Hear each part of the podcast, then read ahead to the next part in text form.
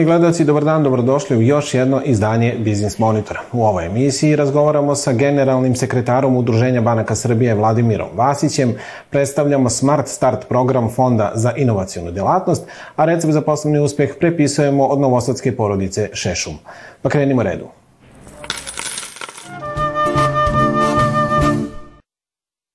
Od 1. februara članice CEFTA započele su primenu prelaznih pravila o preferencijalnom poreklu robe. Njihovom primenom promet je postao fleksibilniji, smanjeno je administrativno opterećenje, a kompanijama je omogućeno da postanu konkurentnije na drugim tržištima. Predviđene su i opcije dogovora o primeni sistema registrovanih izvoznika i dogovora o korišćenju dokaza o poreklu, koji se izdaje i dostavlja elektronskim putem. Ko uloži najmanje 5000 evra u jedan ili više start-upova stiče pravo da izvanično ponese naziv poslovnog anđela, a ako posjeduje i stručno znanje o rizicima koji prate takvo investiranje, ispunjava uslov da se upiše u registar subjekata nacionalnog inovacionog sistema koji će formirati fond za inovacionu delatnost. Takođe, troškovi istraživanja i razvoja start-upa moraju da čine najmanje 10% ukupnih rashoda poslovnih anđela u svakoj godini postojanja. OTP banka je pokrenula novi ciklus Generator Zero 2023 konkursa sa ciljem podrške rešenjima koje doprinose smanjenju karbonskog otiska i rastu zelene ekonomije. Banka poziva inovatore, start-upe, mikro, mala, srednja i socijalna preduzeća, kao i organizacije civilnog društva koje nisu budžetski korisnici, da prijave svoje inovativne projekte. Kao i prošle godine, nagrada OTP banke za pobedničko rešenje je novčani iznos od 2 miliona dinara, kao i dug dugoročna ekspertska podrška. Prijeve se podnose putem sajta www.generator.rs, a otvorene su do 15. marta.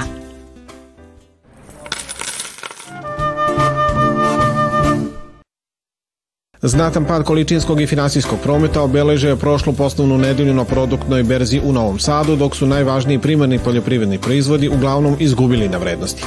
Nastavlja se smanjena aktivnost na robno-berzanskom tržištu kao i cenovni pad primarnih poljoprivrednih proizvoda. Kukuruz je bio najzastupljenija berzanska roba u trgovanju tokom e, protekle nedelje i on beleži pad e, cene usled i slabije ponude, ali i slabije tražnje na ovom tržištu. Na tržištu pšenice nastavlja se povećana ponuda u odnosu na tražnju, dok soja u potpunosti izostaje iz trgovanja. Kada je reč o svetskom tržištu, najvažnija informacija je to da je američki kukuruz pojeftinio na čikaškoj berzi. Na kraju protekle poslovne sedmice na Beogradskoj berzi ostvaren je promet od 40 miliona dinara, a berzanski indeksi zabeležili su rast. Kraj prošle poslovne nedelje američka laka i severnomorska nafta dočekale su sa padom cene u odnosu na sedmicu pre. Od svih najznačajnijih plemenitih i baznih metala kojima se trgovalo u svetu, samo je aluminijum kraj protekle radne sedmice dočekao sa padom vrednosti.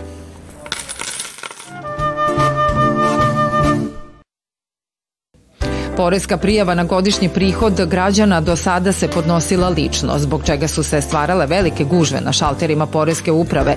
Međutim, izmenama postojećih propisa taj postupak je znatno pojednostavljen i ubrzan.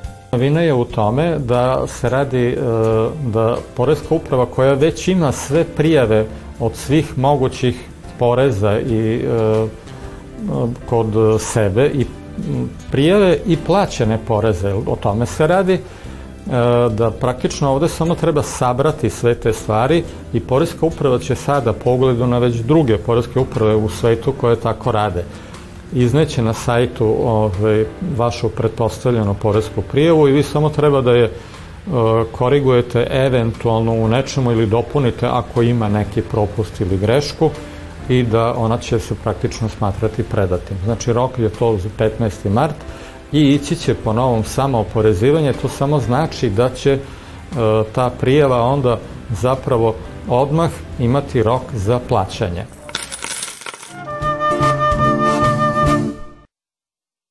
Gospodine Vasiću, dobar dan i ponovo dobrodošli u emisiju Biznis Monitor.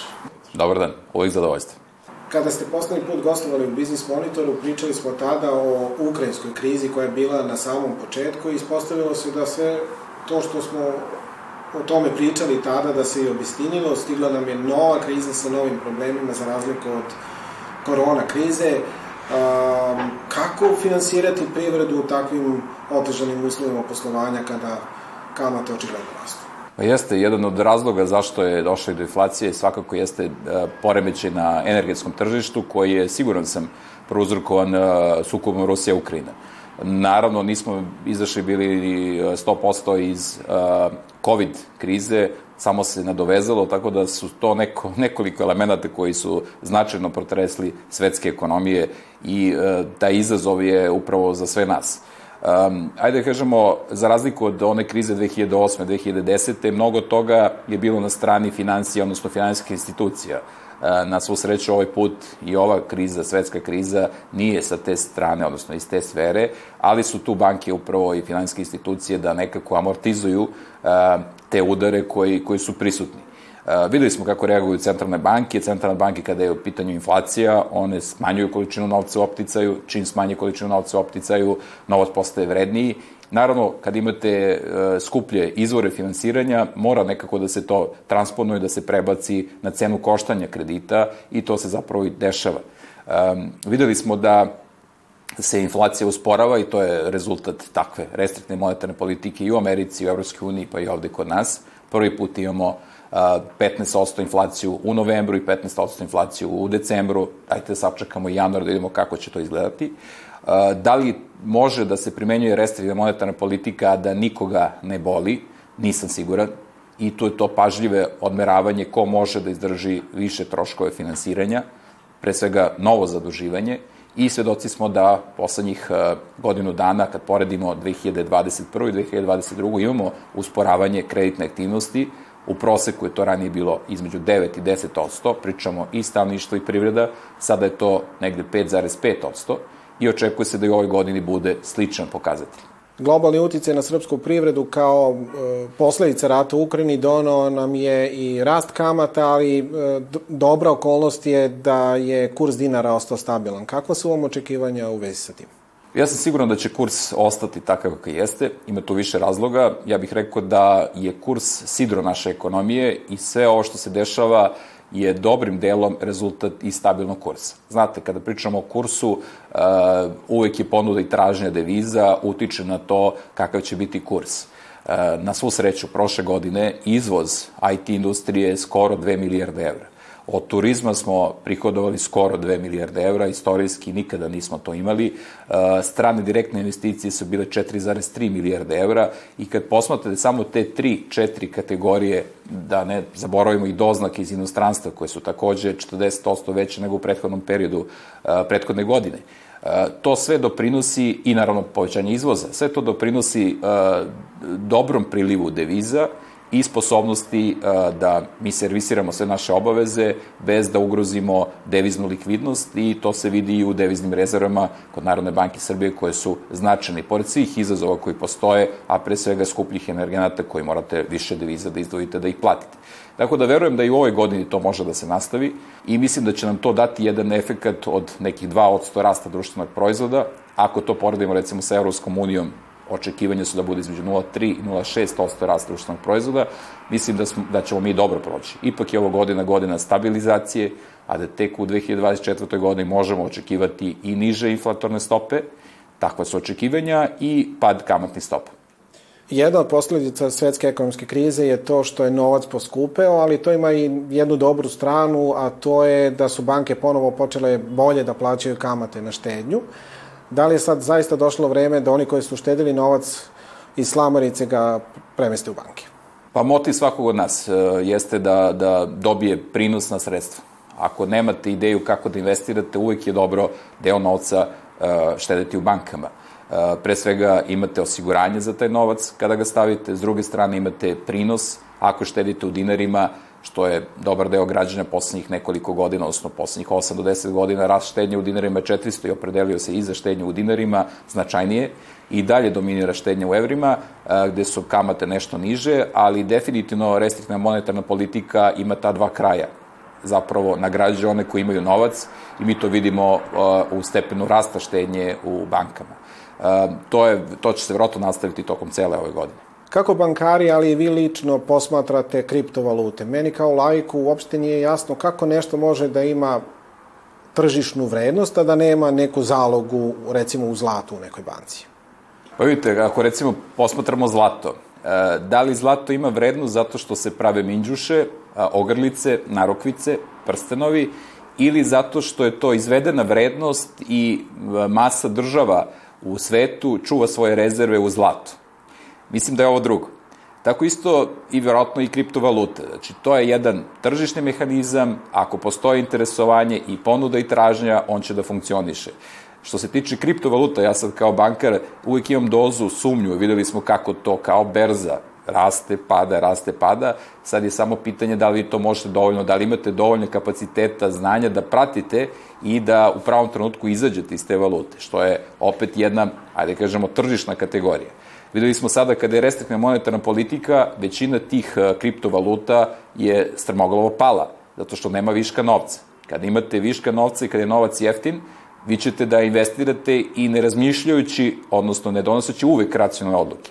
A kada imate a, a, manje novca, onda ste oprezniji prilikom investiranja. I to se zapravo događa sad sa kriptovalutama, ali meni su kriptovalute a, imaju ta jedan doza rizika, upravo ste rekli, ko garantuje? A, ako se nešto desi, kome se ja obraćam?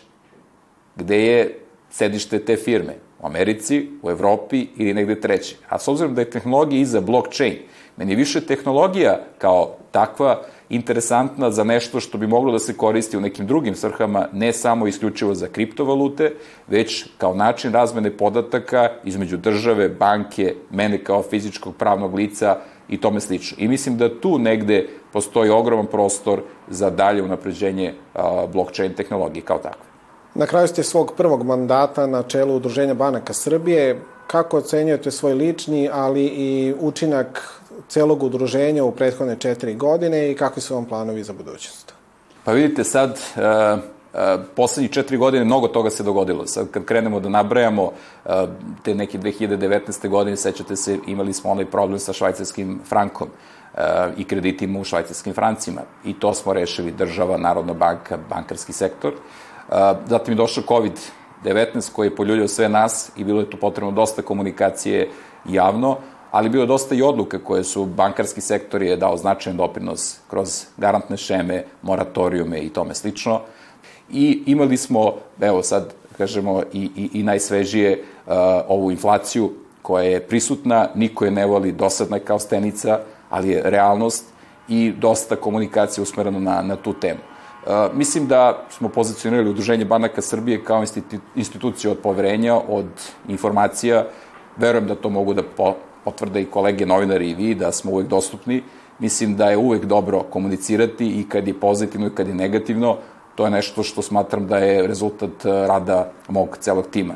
Kako će izgledati budućnost e, moja lična udruženja Banaka Srbije, pre svega to zavisi od članica, odnosno od odluke uh, upravnog odbora. Ja verujem da se rezultati vide, samo sad očekujemo i odluku mojih kolega. Mnogo vam hvala što ste izdvojili vreme za Biznis Monitor. Uvijek zadovoljstvo.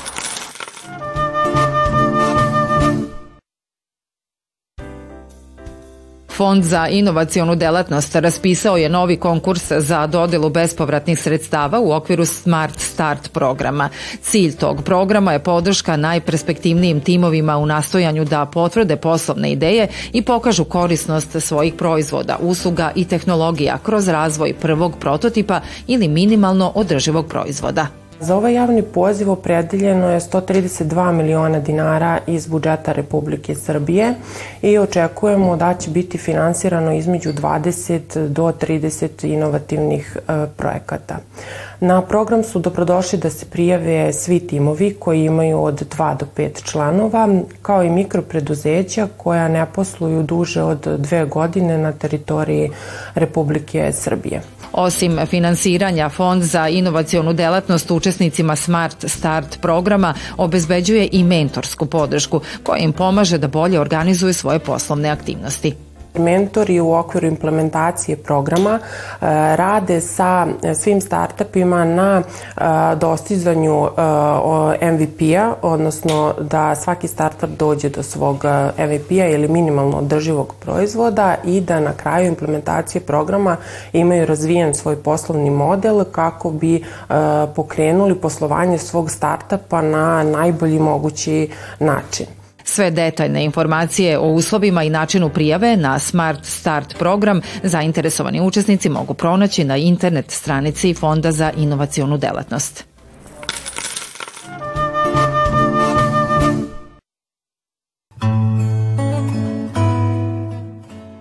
Porodičnu radionicu peciva Susam na Novosadskom telepu osnovala je još 2005. godine Rada Šešum sa svojom porodicom, suprugom Milanom i sinom Želimirom i posao se razvijao iz dana u dan, iz godine u godinu.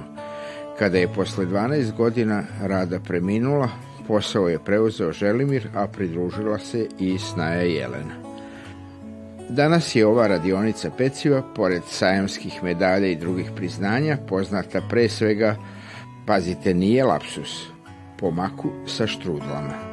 Danas od porodice Šešum prepisujemo recept kako uspeti u Srbiji. Radionica peciva Susam se prvenstveno bavi proizvodnjom štrudli i koktel peciva.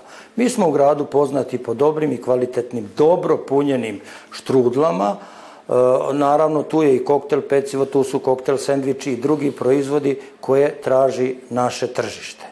Naša pekara broji pet zaposlenih, od kojih su četvoro u proizvodnji i jedno je na prodaji. Takođe, ja kao spoljni momak i penzioner obavljam prateće posle vezano za papirologiju, vezano za održavanje bezbednosti zdravlja na radu i tako dalje. Mi smo najpoznatiji po štrudlama. Prvenstveno i najviše proizvodimo štrudlu sa makom, a naravno i sa orahom, sa višnjom, rogačem i kokosem i tu smo, tako reći, jedinstveni na ovom prostoru po pitanju kokosa i rogača. Sve ovo naravno nije od juče.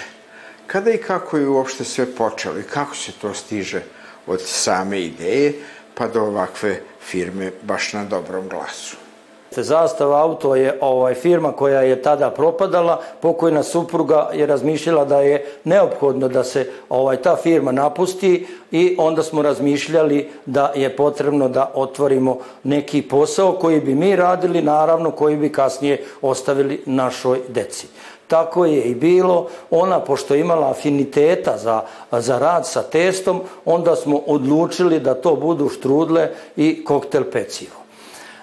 Prednost celog tog je bila u tome što smo mi već tada imali izgrađen poslovni prostor, Isti prostor smo za kratko vreme doveli nameni ono što je sanitarna inspekcija tražila, vrlo brzo smo dobili papire i krenuli smo sa radom. Tada je to bilo malo više ručnog rada, ali je bila znatno, ovaj, krenuo je dobro posao jer tada nismo imali toliko veliku konkurenciju u gradu Novom Sadu na proizvodnju štrudli.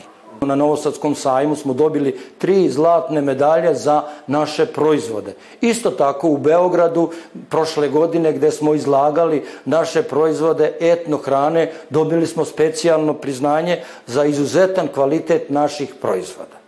Kakav to čovek, gledajući iz vašeg iskustva, treba da bude pravi preduzetnik? Neko kaže treba da ima ideju, neko kaže hrabrost, drugi kažu opet to je ludost. mora se imati, kažu, upornost, e, sreća, sve to zajedno. Kako je bilo u vašem slučaju? Pa mislim da je najbitnija od svega ideja. Ideju kad imaš, onda uz neku upornost, e, uz određenu količinu sreće e, i određenu količinu snalažljivosti ovaj, uvek možeš ostvariti. Kod nas je presudilo to što nikad nismo previše širili proizvodnju. Uvijek smo se bavili onim što na najbolje ide i, i to smo se trudili da radimo koliko god možemo bolje. Uloga sreće je velika, ali ja opet kažem, snalažljivost je ta koja je ključna. U određenim momentima se dešavaju uh, raznorazne prepreke koje se moraju na neki način zaobići. A sreća naravno, mislim da sreće ni, ništa to ne bi moglo.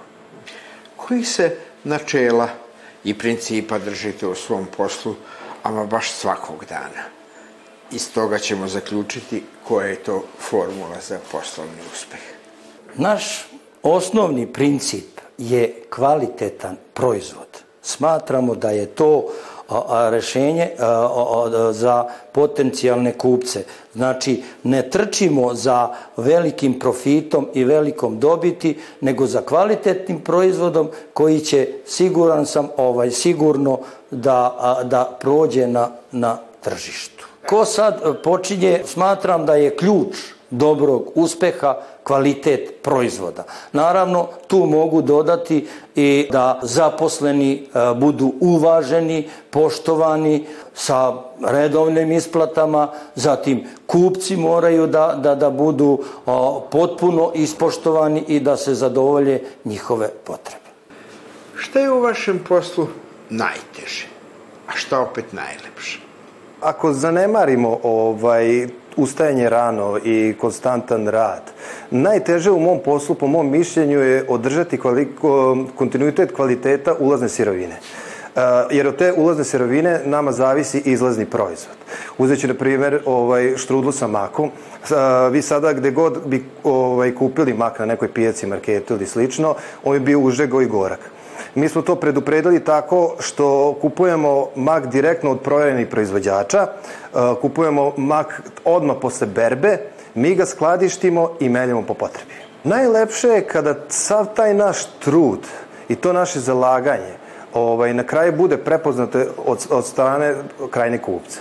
I kad se naše zadovoljne mušterije stalno vraćaju, kada nas pozovu telefonom, jako zadovoljni, mislim da je to najlepši osjećaj u ovom našem poslu. Šta ko iz porodice Šešum radi u ovom porodičnom biznisu. Ko je za šta odgovoran, a za šta zaslužan. I kad ste vi porodica, a kad ste menadžment.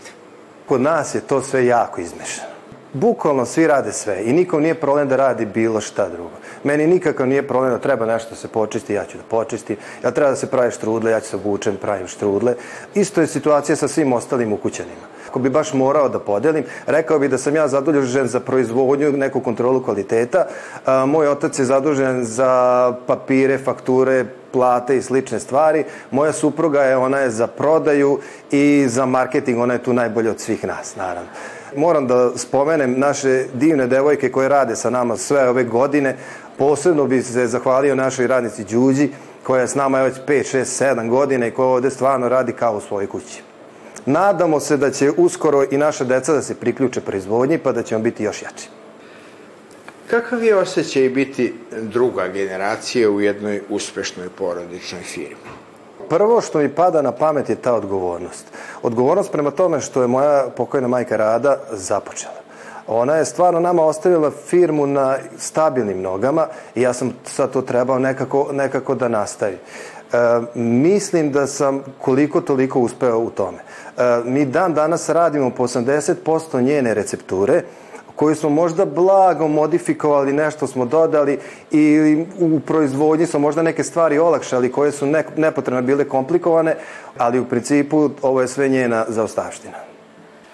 Kako je uopšte biti preduzetnik u Srbiji danas? Šta vam je u tome lepo što ste sam svoj gazda, a šta vam najviše smeta? Lepo je što možeš uh, posao i život organizovati kako je najbolje, uh, gledajući uh, okruženje, gledajući tržište, znači da ovaj možeš da radiš, doprinosiš, stvaraš i da time ispunjavaš svoje potrebe i svoje zahteve. Najviše mi smeta što je jako teško odvojiti privatni posao od porodice. Pogotovo što u ovom slučaju mi smo u jednom prostoru gde je i kuća i poslovni prostor, što znači da smo za poslovni prostor vezani 24 sata. I na kraju biznis monitora mi uvek pitamo šta je za vas poslovni uspeh, a šta lična sreća. Moja lična sreća je što a, je a, posle dugog rada na a, formiranju jedne ovakve preduzetničke radnje od moje pokojne supruge, naravno i mene. A, posle njene smrti 2017. godine ovaj posao preuzeo naš sin. Naravno, tu je i naša snajka, tu su i naši zaposleni. Zadovoljstvo mi je što oni to danas izuzetno dobro vode, izuzetno kvalitetno proizvode, dograđuju proizvode, šire proizvode, šire se na teritoriji grada Novog Sada, naravno i šire. E, to je za mene pravo zadovoljstvo. Poslovni uspeh je ništa više nego da e, živiš od svog rada, mislim da, da, da radiš onoliko koliko ti u stvari treba. Ne treba previše. Mislim da, da, da je poslovni uspeh samo da možeš lepo da živiš i to je to. Ne, to je to. Ne, ne bi išao uopšte dalje. Toliko za ovaj put. U narednoj emisiji, između ostalog, o sivoj knjizi razgovaramo sa direktorkom Naleda Violetom Jovanović, a recept za poslovni uspeh pripisujemo od bivšeg štićenika dečeg sela u Sremskoj kamenici Milosava Jocovića Bonga. Vidimo se za nedelju dana u isto vreme na istom mestu. Doviđenja.